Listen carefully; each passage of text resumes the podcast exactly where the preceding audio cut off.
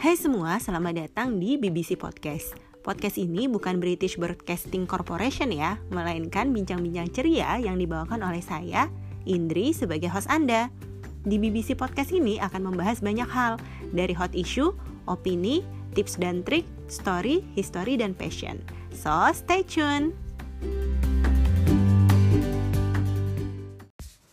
Halo teman-teman semua, kembali lagi di episode Bincang-Bincang Ceria yang pastinya spesial. Bisa dipastiin sih, episode Bincang-Bincang Ceria itu selalu spesial. Karena kita berusaha nih mengangkat topik-topik yang memang bakal ada manfaatnya, bakal ada pembelajarannya walaupun misalnya cuma sharing-sharing dan diskusi singkat. Nah, kali ini topik bahasan kita pastinya menarik nih. Pernah dengar kan ya istilah mobil listrik, electric vehicle, atau mungkin yang suka nonton berita atau pecinta dunia otomotif pasti update nih dengan topik yang satu ini. Gak cuma uh, pecinta dunia otomotif pastinya, tapi juga pecinta di bidang energi dan juga lingkungan. Karena electric vehicle ini pastinya akan berkontribusi terhadap elektrifikasi. Nah, elektrifikasi ini dengar-dengar juga akan menjadi salah satu upaya untuk mengurangi dampak perubahan iklim atau krisis iklim yang sekarang sedang terjadi. Jadi, karena pertimbangan emisi ini, electric vehicle bisa menjadi salah satu solusi elektrifikasi ini nggak cuma electric vehicle ya, ada electric stove dan lainnya. Nah, kalau di negara lain sudah ada yang diimplementasikan, sudah ada yang berjalan, misalnya yang full electric vehicle ataupun hybrid gitu. Nah, gimana sih kalau misalnya di Indonesia perkembangan dari teknologi ini? Kira-kira apakah bisa berkembang dengan maksimal? Apakah sekarang benar-benar sudah terrealisasikan rencana-rencana yang ada? Atau cocok nggak sih dengan kondisi Indonesia yang mayoritas penduduknya di perkotaan yang pasti sudah memiliki mobil nih? Apakah ini benar-benar bisa jadi solusi? Pokoknya kita akan bahas ini nanti bareng Bang Arya. Nah, Bang Arya ini siapa sih? Nah, Bang Arya ini dulu uh, aku kenal di PPI Dunia. Nah, di Bang Arya ini salah satu PhD candidate di National University of Ireland Galway gitu.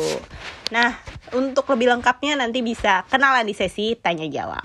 Nah, sebelumnya saya akan membacakan fakta-fakta. Saya akan membacakan beberapa fakta yang pastinya berkaitan dengan episode kali ini. Jadi episode kali ini kan temanya tentang electric vehicle nih. Fakta pertama, PBB melaporkan sepanjang tahun 2015 hingga 2019 Bumi memanas sekitar 0,2 derajat Celcius. Penyebabnya karena manusia terlalu banyak memproduksi karbon dioksida, metana, dinitrogen oksida, dan gas rumah kaca lainnya. Salah satu strategi terbaik dengan memproduksi electric vehicle di mana kita bisa mengurangi emisi gas rumah kaca sebesar 29% pada 2030.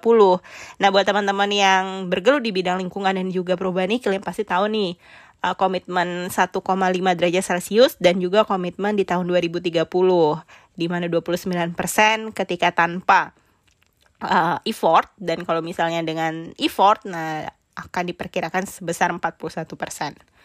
Fakta yang kedua, salah satu klaim teknologi canggih electric vehicle adalah baterai lithium yang digunakan bahkan sampai 30 tahun nanti. Baterai ini diakui paling pas untuk mobil listrik karena densitas energinya besar, di mana baterai ini mampu membawa kendaraan listrik hingga 1 juta mil atau sekitar 1,6 juta kilometer. Namun pertimbangan lainnya dalam jangka waktu 10 tahun kapasitas baterai akan menurun, bahkan habis, dan belum ada teknologi yang bisa mengolah limbah baterai lithium. Cuma masalah baterai ini nanti akan dibahas juga nih di episode kali ini, misalnya dengan baterai hidrogen atau hydrogen storage atau lainnya. Jadi, kita harus langsung masuk aja ke sesi diskusi. Oke teman-teman semua, kembali lagi di episode Bincang-Bincang Ceria yang kali ini topiknya bakal sesuatu yang lagi hype, lagi banyak diperbincangkan. Kalau pekan lalu kita udah bahas tentang halal food ya, untuk industri tourism, international tourism, contohnya di Jepang, di Korea. Nah, kali ini kita balik lagi ke uh, energi. Nah, energinya sektor yang mana nih? Nah, tentang electric vehicle. Nah, terus tentang guest pada malam hari ini. Nah, malam hari ini spesial ya kita datangkan guest yang jauh-jauh sekarang lagi perbedaan waktunya sekitar 6 jam nih sama Jakarta ya. Nah, ini ada Bang Arya. Makasih banget yang udah hadir, yang udah bersedia untuk berbagi sharing ya tentang topik kali ini di podcast Bincang-Bincang Ceria. Nah, nggak afdol nih sebelum kita persilahkan guest malam hari ini supaya memperkenalkan diri langsung. Bang Arya, apa kabar Bang? Halo Indri dan teman-teman pendengar semuanya. Alhamdulillah sekarang sehat. Indri, ya. apa kabar?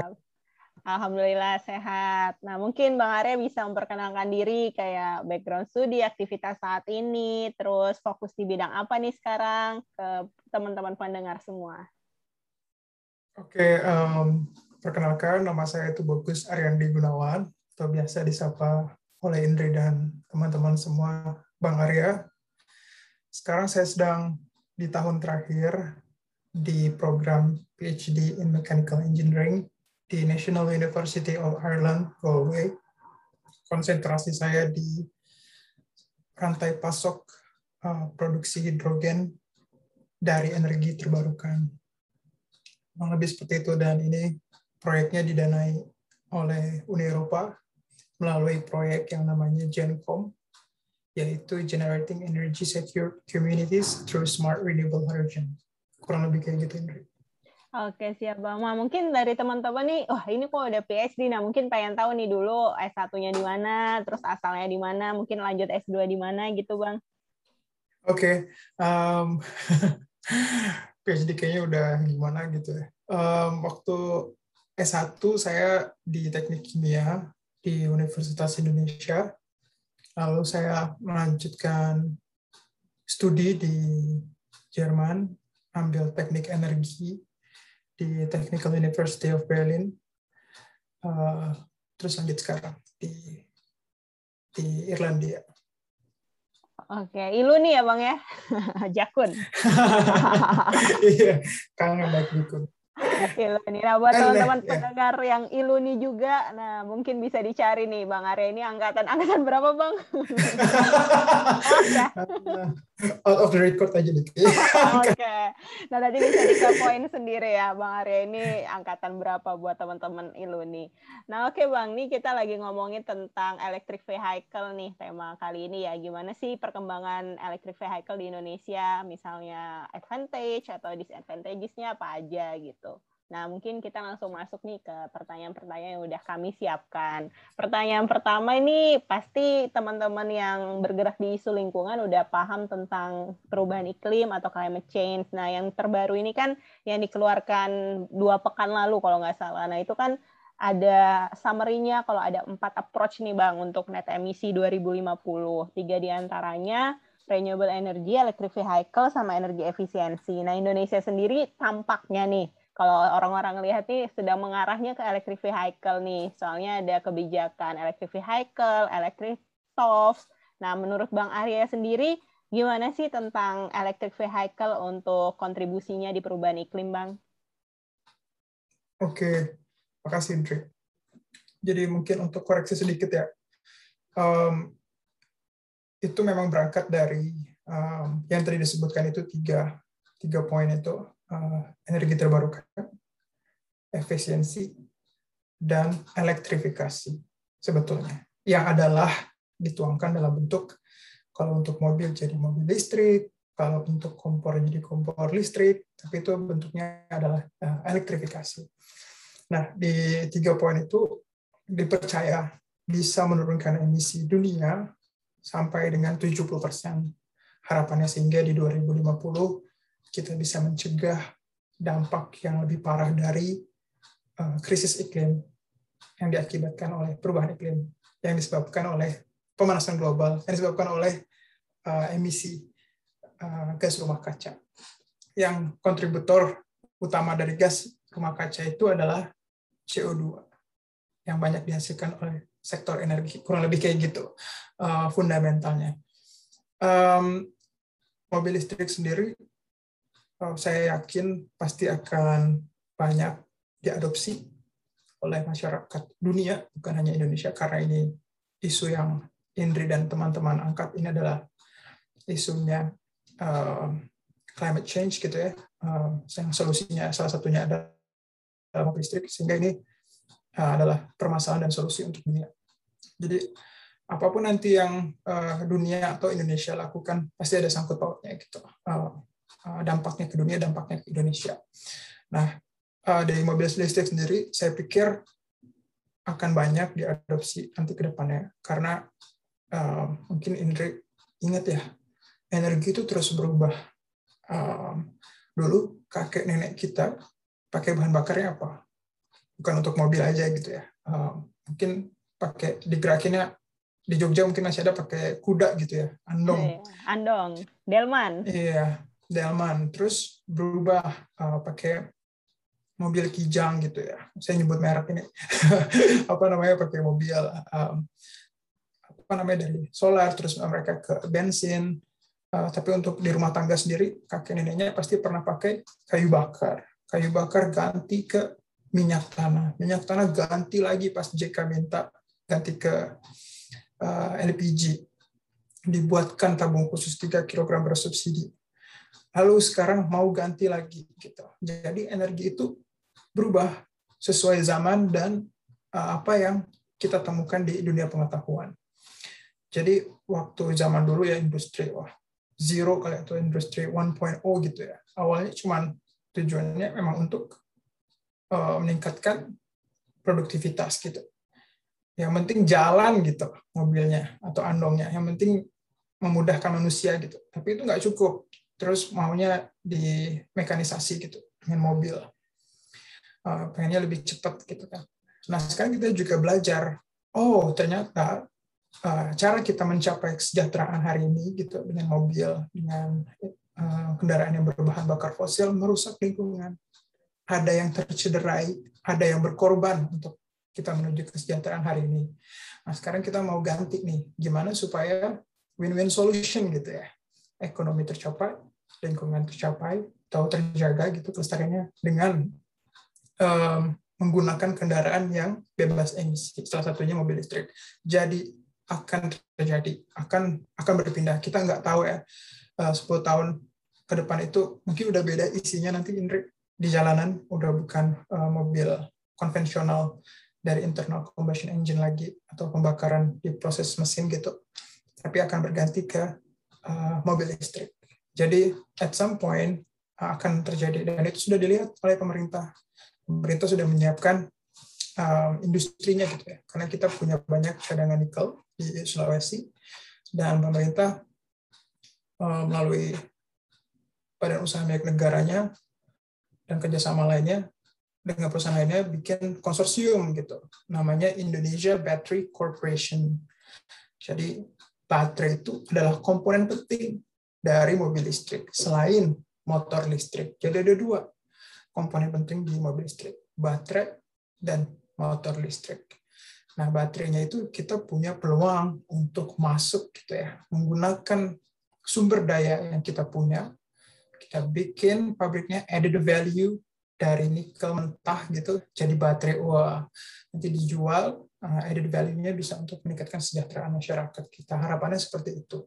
Tapi jangan lupa kalau mau lebih dalam lagi bahasnya baterai itu ada banyak jenisnya um, tersusun tidak hanya dari nikel um, atomnya gitu ya atau chemical substance-nya. Tapi juga ada lithium itu sendiri dan cobalt gitu. Jadi ada tiga yang penting. Nikel, cobalt dan lithium. Kayak disebutnya lithium baterai gitu. Um, kurang lebih kayak gitu. Jadi panjang ya.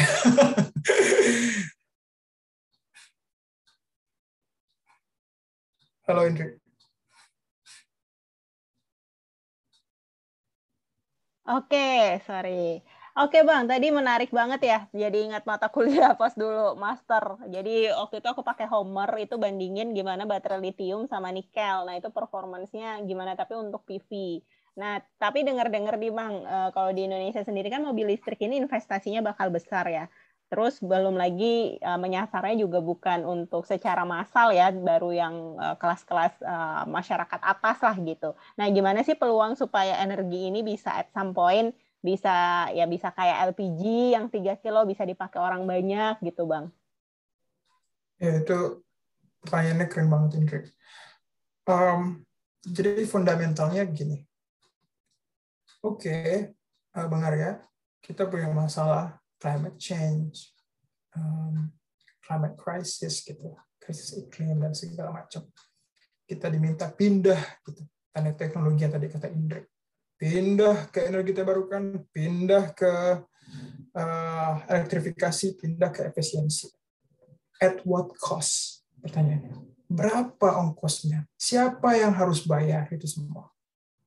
Oke. Okay. Kita semua harus bayar dan itu um, pemerintah utamanya yang harus bisa menstimulus perpindahan itu gitu. Namanya disebut kemudian sebagai transisi energi, energy transition. Sedang banyak sekarang. Ya, banyak dibahas webinarnya di mana-mana, Bang. iya.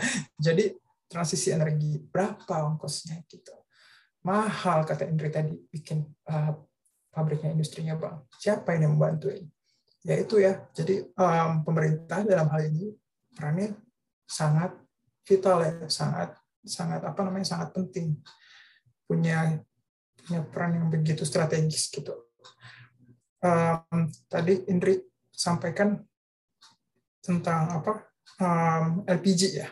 LPG bagaimana dia bisa berhasil digunakan? Karena saya ingat waktu JK itu bilangnya kita harus pindah dari LPG karena tinggal dua negara katanya yang pakai minyak tanah itu Indonesia sama salah satu negara di Afrika katanya gitu.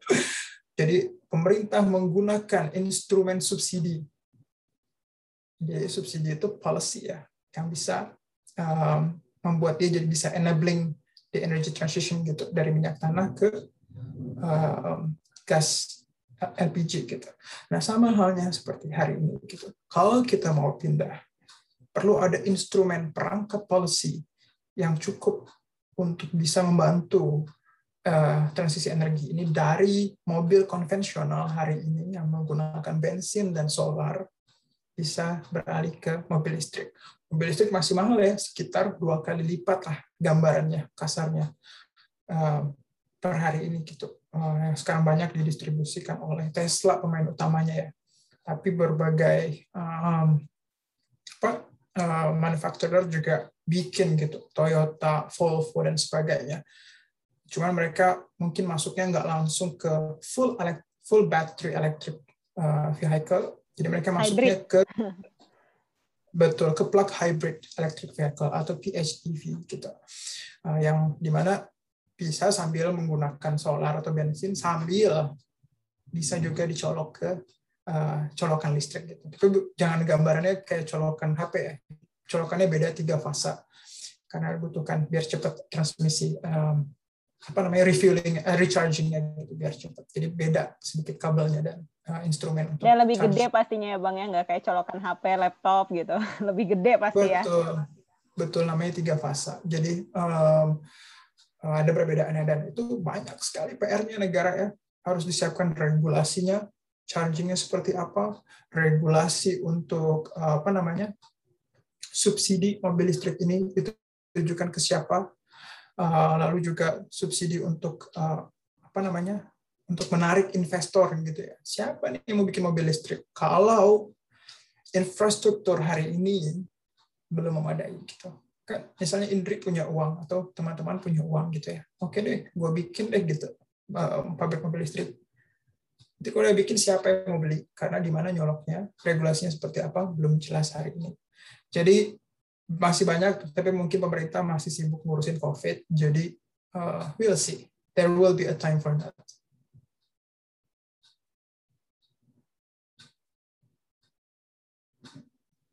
Oke bang, maaf ada delay. Nah tadi udah dijelasin ya teman-teman tentang mobil listrik, terus gimana sih perjalanan yang masih panjang. Maksudnya kita sekarang lihat ya apa pun tuh pasti ada prosesnya dan tadi perlu banyak disiapkan dan pasti perjalanannya bakal panjang. Nah, di Indonesia sendiri nih, Bang, dengar-dengar kan pemerintah ini akan um, ini ya bergantung bukan cuma ke baterai tapi ke solar power plantation atau PV lah gitu untuk nanti uh, sebagai pelengkap dari industri mobil listrik ini dan sudah ada beberapa daerah percontohan misalnya Bali. Nah, seberapa efektif sih Bang? Nah, karena PV ini sendiri kan belum ya memang sudah banyak diimplementasikan di Indonesia, tapi kan juga belum secara massal. Nah, untuk melihat keadaan ini ada percontohan, habis itu PV, terus tadi kebijakan mobil listrik. Nah, tiga hal ini seberapa efektif sejauh ini, Bang?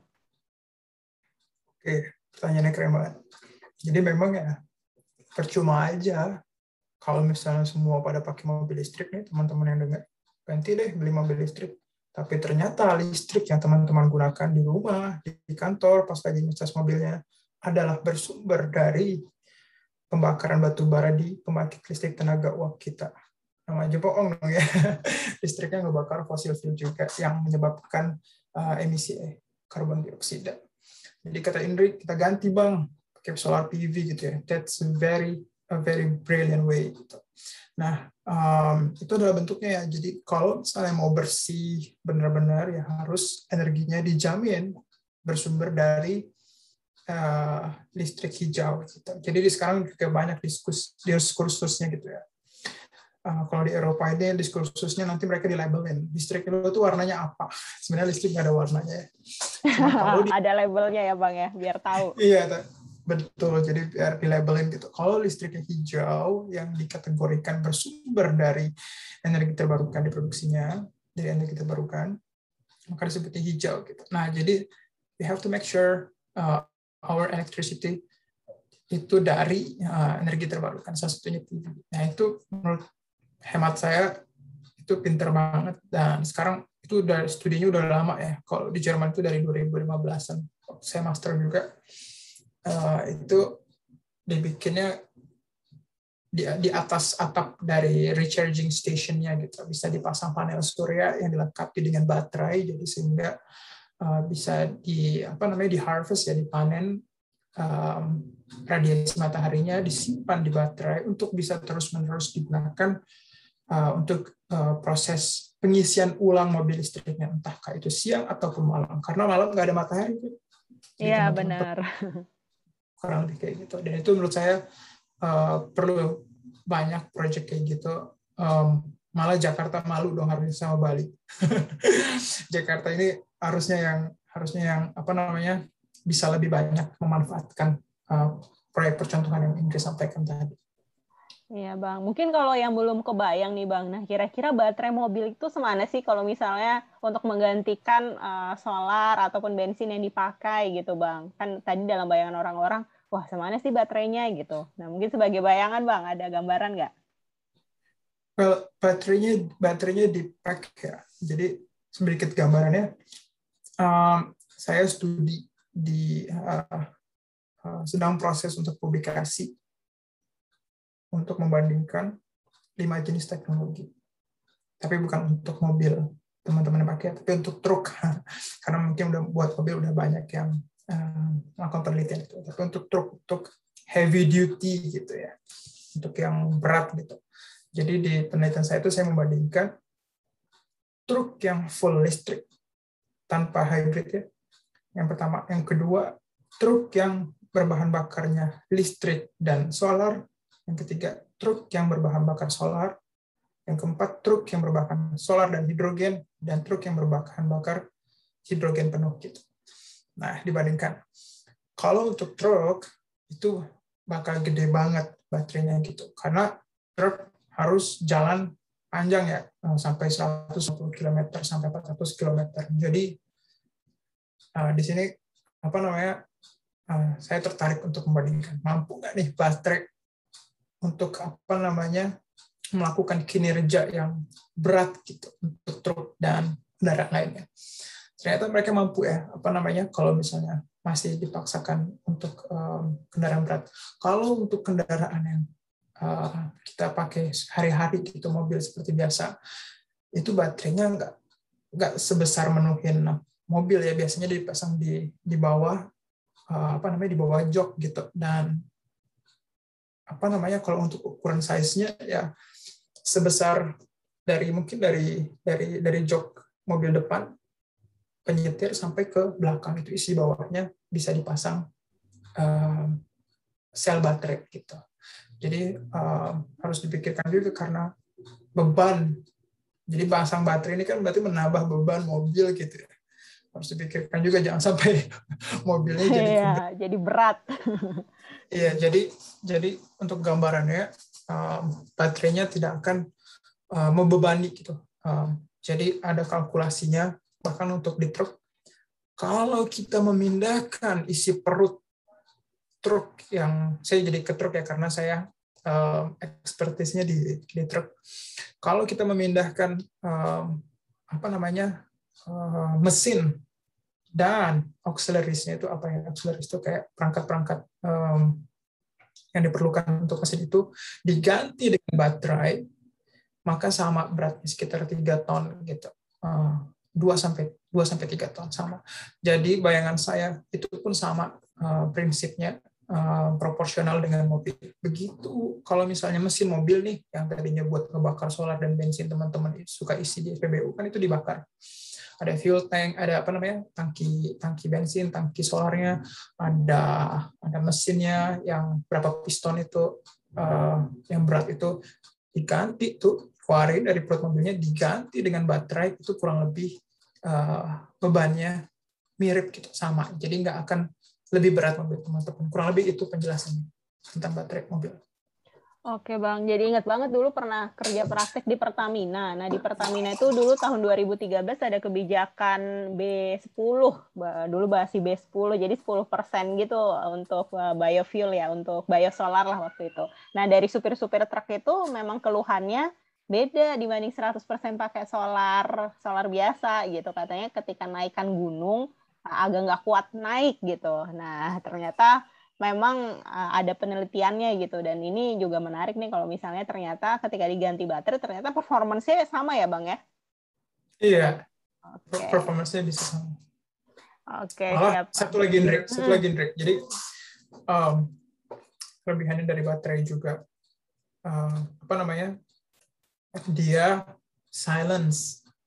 Jadi nanti yeah. teman-teman berisik nggak orang-orang dan nggak? nggak keluar asap ya bang ya tentunya.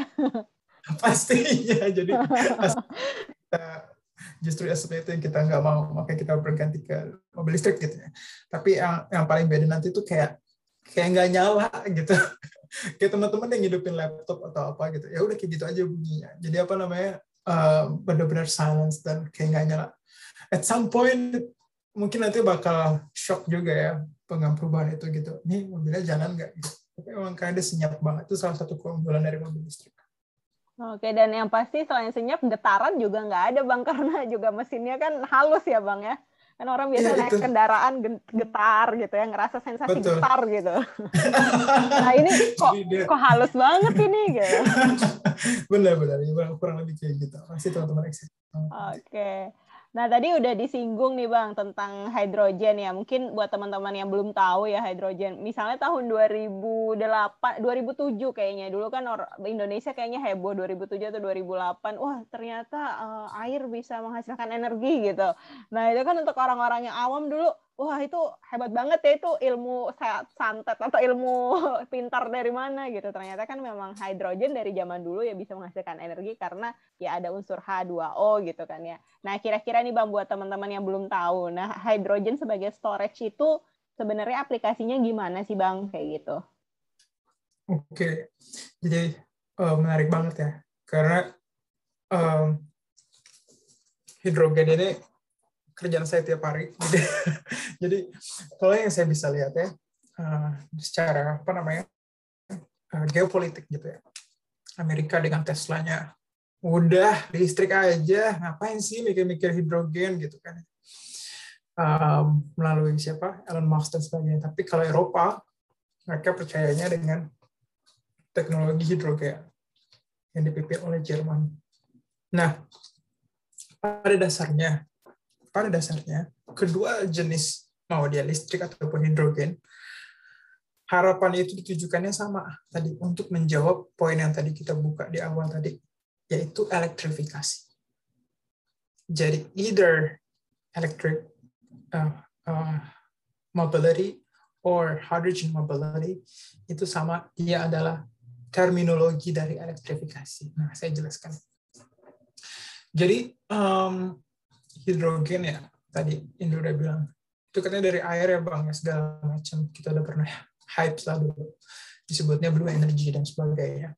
Memang betul ya.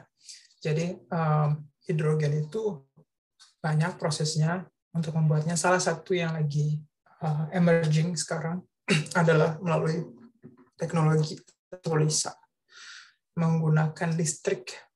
Jadi listrik diketemuin air dipaksa pecah lu gitu. Jadi hidrogen dan oksigen. Kurang lebih kayak gitu. Karena tadi Indri udah sampaikan komposisinya cuma ada dua, hidrogen dan oksigen. Nah, hidrogennya kita ambil, kita simpan tadi Indri udah sampaikan juga sebagai storage gitu. Dia bisa disimpan. Kalau listrik disimpan di baterai, hidrogen bisa disimpan di tank, gitu ya, di, di apa namanya di um, uh, vessel hydrogen tank gitu. Nah, apa namanya hidrogen ini dia menjadi menarik karena tadi semua jenis nyawa yang menyebabkan emisi ini mau dia solar, bensin, batu bara, dia disebut senyawa hidrokarbon. Kenapa hidrokarbon, Bang? Karena terdiri cuma dari dua atom. Atom hidrogen, atom karbon. Namanya hidrogen semua tuh. Namanya bahan bakar hidrogen. Eh, sorry, bahan bakar hidrokarbon.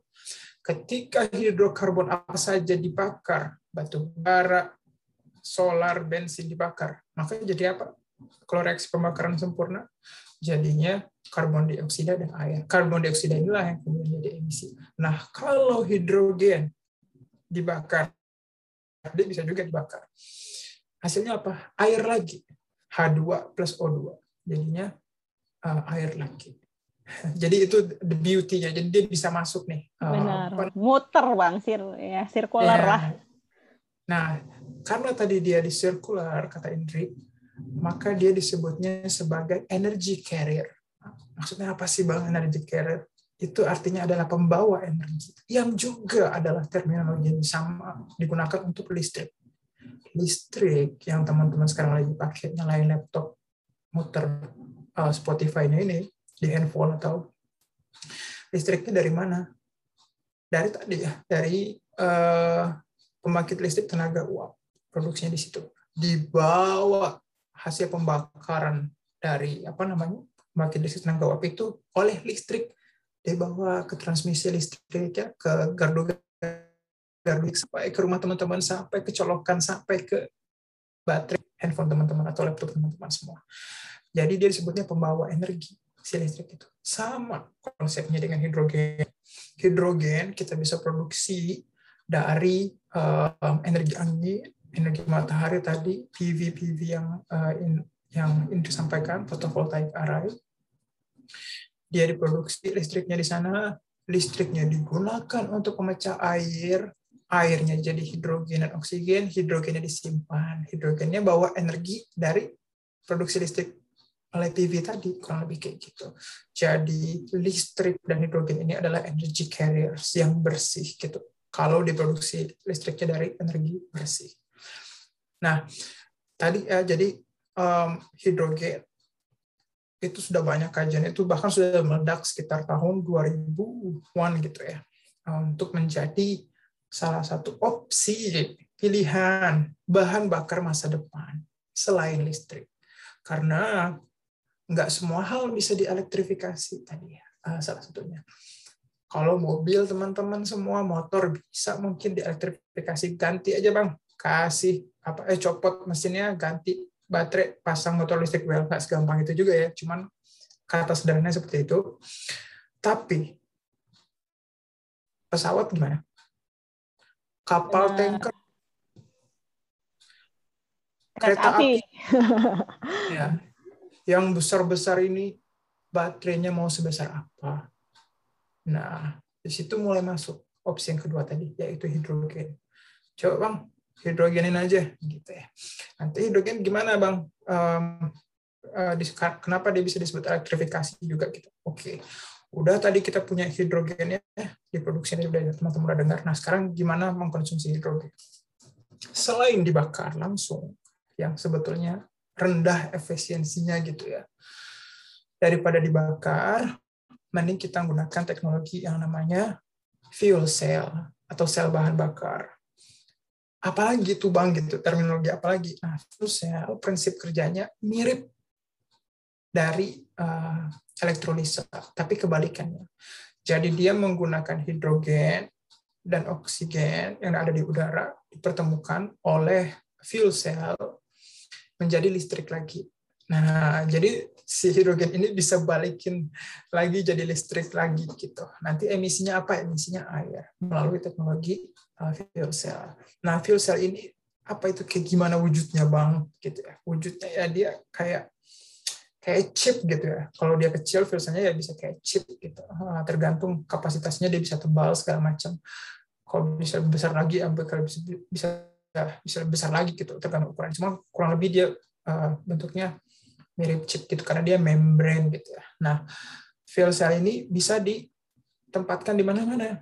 Kalau dia di mobil bisa nanti disebutnya fuel cell electric vehicle FCEV jadinya gitu. Jadi mau ditempatin di mana aja bisa ya di kereta api dan segala macamnya. Nanti hidrogennya bisa disimpan di tangki tangki hidrogen. Uh, hidrogennya tapi biasanya pakai pressure ya. Dia dalam bentuk gas hidrogen ini biasanya pressure-nya sampai 750 bar atau 700 bar tergantung kebutuhannya. Uh, apa namanya? Uh, disimpan lalu uh, dia melewati fuel cell lagi menghasilkan listrik lagi listriknya menggerakkan motor listrik kurang lebih kayak gitu um, untuk uh, menggerakkan mekanis di kendaraan tertentu. Nah banyak nanti nih Indri pertanyaannya, bang hidrogen kedengarannya itu gimana gitu? Kan? Apalagi orang-orang bilangnya tangkinya flammable bang gitu mudah terbakar gitu tangkinya flammable gasnya flammable wah ngeri banget bang okay. tangkinya nanti segede apa gitu kan biasanya kan hidrogen yeah. dia butuh tangki besar nah masa di pesawat ada tangki gitu orang-orang nanti nanya gitu bang Oke, okay, apa namanya? Well, di pesawat juga ada tangki ya, tangki after. Jadi sekarang gini, konsep bahan bakar. Sebutin ke saya, bahan bakar mana yang nggak flammable? nggak ada semuanya flammable tapi dengan kemampuan manusia mereka yasa regulasi standar keamanan untuk pengisian bahan bakar penyimpanan bahan bakar kita bisa mereduksi uh, resiko itu gitu sama dengannya halnya dengan hidrogen melalui uh, kajian-kajian melalui regulasi yang bisa diterapkan kita bisa meredam re, uh, risiko untuk terbakar dan sebagainya. Kan karena ini apa namanya karena ini apa namanya harus disiapkan gitu evaluasi dan harus dijalankan dengan benar supaya bisa selamat semuanya gitu. Nah jadi dengan regulasi yang tepat harusnya dia tidak beresiko. Kayak gitu.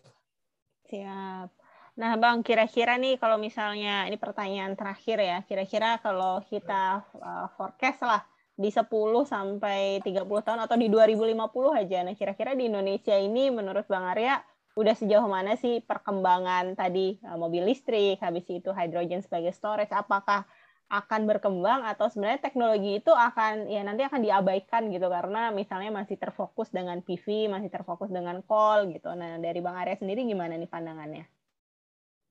Oke. Kalau untuk memprediksi berarti kita harus tahu historisnya ya, Henry. Iya benar. Supaya nggak ini ya cocok logi bang. Iya, jadi kalau kita juga mau lihat orang gitu, kita juga lihat track record dia gimana. Kurang lebih kayak gitu kan. Jadi kita bisa memprediksi, bisa mengestimasi ke mana nih kebijakannya. Kalau yang saya pakai adalah B10 tadi yang disampaikan, kebijakan pemerintah untuk mendorong penerapan um, biofuel 10% di setiap liter solar yang teman-teman pakai aja susah. Sampai ke B50 aja susah lama. Lagi ke B100. Padahal plenty sources ya, kita banyak banget apa namanya tinggal political will. That's the only thing we need to transform our society, gitu. to transform our energy. Masih lag gitu ya, karena benua Indonesia ya, kalau disebut PJ Habibie itu bukan negara lagi, benua kita itu dari uh, Irlandia sampai uh, Turki itu adalah luasnya Indonesia. Tiga zona waktu 5.000 km, luas banget besar negara. Jadi harus punya regulasi dan apa namanya uh, birokrasi yang kuat untuk bisa mentransformasi itu. Kajiannya udah banyak kita ahli nggak kekurangan orang pintar di Indonesia. Mungkin kita kekurangan politikus yang um, yang bisa mengerti gitu karena di palu mereka semua anggaran diputuskan, kebijakan diputuskan. Jadi um, ini stakeholdersnya banyak untuk bisa tadi Indri bilang ini hidrogen mobil listrik ini gimana bang gitu tahun depan atau 10 tahun lagi. Itu tergantung dengan diskursus-diskursus seperti ini. Teman-teman yang mendengarkan entah tahun depan, lima tahun besok, mungkin menduduki posisi tertentu yang menjadi stakeholders dari um, apa namanya pencapaian atau dari energi transisi ini punya um, understanding yang lebih baik gitu daripada mereka yang sedang duduk hari ini harapannya kayak gitu jadi kalau ngelihat historisnya yang lama panjang susah. Well saya bukan berarti pesimis ya. Maksudnya butuh banyak terobosan uh, oleh kita semua untuk bisa itu bikin happening gitu. Karena ini bukan tantangan Indonesia sendiri ya yang uh, akan berpindah energinya gitu. tapi ini semua dunia sekarang sedang ke sana gitu. Jadi either kita yang dipaksa dari eksternal nanti Indonesia cepetan berubah gitu atau kita sendiri yang pushing up ourselves to to to to move up to move out gitu, to to move into to new um, regime gitu, new new era, new regulation, new technology gitu. Jadi um, karena jadi nah sekarang gimana konkretnya bang? Kudu gimana gitu? Kita butuh yang disebut dengan peta jalan gitu aja deh, simple. Kita tadi kan ya itu pertanyaan fundamental banget dari dan penting dan kita harus tahu jawabannya. Kalau nggak gini-gini aja hidup kita. Kita nggak tahu apa namanya nanti uh, lima tahun sepuluh tahun ke depan karena kita nggak yeah. punya peta kita nggak tahu ke mana anak-anak cucu kita nanti nyalain kita eh lo kemarin ke mana aja hidup? Ini udah makin parah krisis iklim gitu misalnya. Jadi we need we need urgently a roadmap gitu. Nggak hanya roadmap ya tapi mungkin uh, strategi uh, jadi roadmap itu nanti banyak turunannya strategi strateginya apa yang perlu diambil itu kan tentang apa yang perlu diambil, waktunya kapan, itu perlu kajian. Jadi orang-orang seperti Indri, rekan-rekan semua di pendidikan tinggi punya peran vital untuk membantu kita mengetahui jawaban itu. Gitu. Karena kalau kita tahu jawabannya ya kita nggak mungkin nggak diskusi hari ini. Gitu. Jadi uh, itu penting sekali peta jalan. Karena teman-teman ya kalau misalnya mau ke mall A atau ke sekolah B atau ke universitas C teman-teman pakai Google Maps ya, teman-teman pakai peta, teman-teman tahu shortcutnya, waktu estimasi yang dibutuhkan, kita butuh itu dalam uh, energi transisi kita, eh, transisi energi kita. Udah dibilang ya Kemen, uh, Kementerian Lingkungan Hidup gitu, atau publikasi Kementerian SDM yang kita mau uh, apa namanya dekarbonisasinya sampai dengan 2060 katanya. Saya kalau bacanya itu cuma kayak shutdown atau penutupan dari uh, PLTU PLTU aja, tapi nggak menjawab ini energi yang kita pakai hari ini dari PLTU mau diganti apa? Di mana digantinya? Berapa ongkosnya?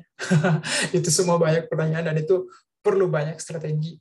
Roadmap-nya nggak harus harus diperjelas dari yang sekarang itu kayak cuma ngasih tahu, oke okay, kita mau ke kampus A gitu, yang adalah di 2060 gitu. Tapi gimana, melalui apa, siapa, melakukan apa, di mana, berapa harganya. Wah, banyak questionnya. Iya. Itu semua. Karena nggak gitu. simsalabim ya, Bang ya? Benar, Indri.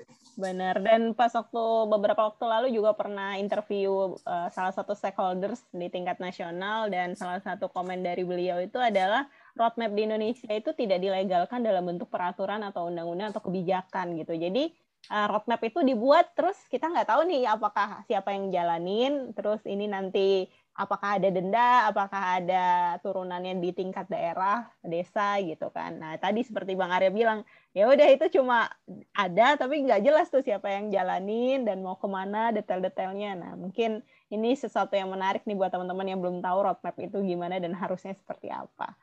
Oke Bang, ini kita udah lebih dari 30 menit nggak kerasa seru banget dan jujur ya Bang, uh, biasanya kalau dengerin hal-hal kayak gini orang-orang awam itu agak agak takut dan kayaknya wah ini bukan bidang gue nih gitu. Tapi tadi dengerin Bang Arya itu mudah banget dipahami Bang. yang tadi uh, simulasi atau yang tadi digambarin ilustrasinya itu mudah banget Bang. Jadi thank you banget udah ngejelasin dengan sangat-sangat simpel gitu Bang. Nah ini mungkin last remark nih Bang, uh, pernyataan terakhir dari Bang Arya nih untuk menutup episode kali ini. Oke, apa namanya? Um, terima kasih untuk Indri dan rekan-rekan DDBC semua dan pendengar semua.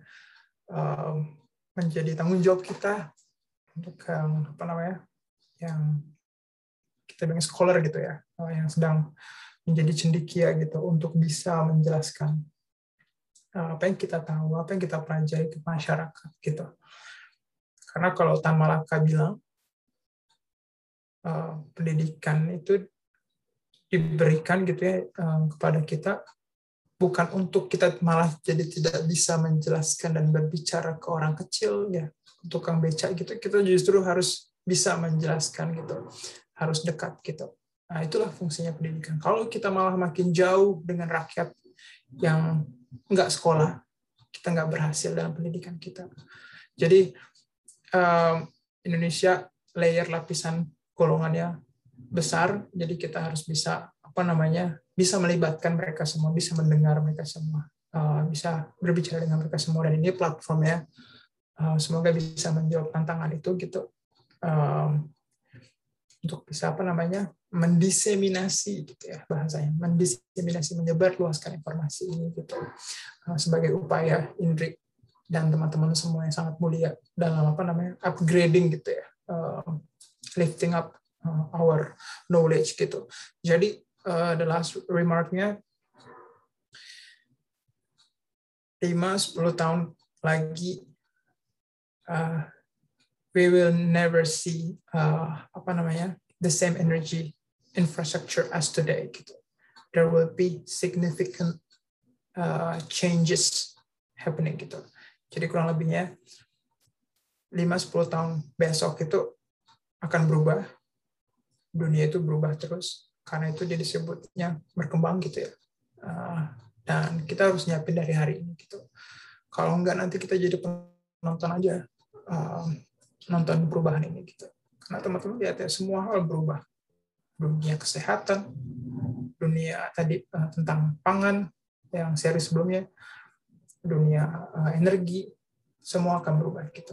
Nah, jadi kita harus bisa membaca itu juga mau ke mana perubahan ini dan apa yang perlu apa yang diperlukan gitu. Dan semua teman-teman punya peran.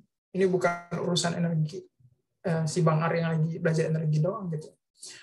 Teman-teman misalnya nanti mau pakai energi terbarukan sekarang udah banyak skemanya kalau nggak salah dari Bank Mandiri bisa pasang PV panel gitu ya, eh, panel surya eh, buat rumah teman-teman sendiri untuk bisa mencukupi dari energi matahari sendiri. Nanti mungkin bisa ke sana. Jadi uh, begitu banyak gitu yang teman-teman bisa uh, lakukan sebagai upaya uh, kita sama-sama di transisi energi. Kurang lebih kayak gitu, Indri. Terima kasih banyak. Oke, teman-teman, ini juga sebagai akhir dari episode kali ini. Jadi, teman-teman semua tetap uh, pantengin episode-episode mendatang yang tentunya topik-topiknya bakal sangat menarik. Dan kali ini terima kasih banget juga buat Bang Arya. Nanti akan ada akun Instagram dan juga profil Bang Arya kalau misalnya teman-teman pengen tahu lebih jauh nih, misalnya pengen ngundang Bang Arya buat ngisi atau lain sebagainya. Nah, jadi teman-teman terima kasih. Sampai ketemu lagi di episode mendatang. Bye-bye. Thank you banget teman-teman semua udah mau dengerin podcast ini. Untuk update jangan lupa follow podcast kita di Twitter, Facebook page, dan juga Instagram. Bincang ceria. Tapi B-nya double ya. Terus jangan ketinggalan nih episode baru setiap hari Kamis alias malam Jumat jam 18.30 waktu Indonesia Barat. Sampai jumpa.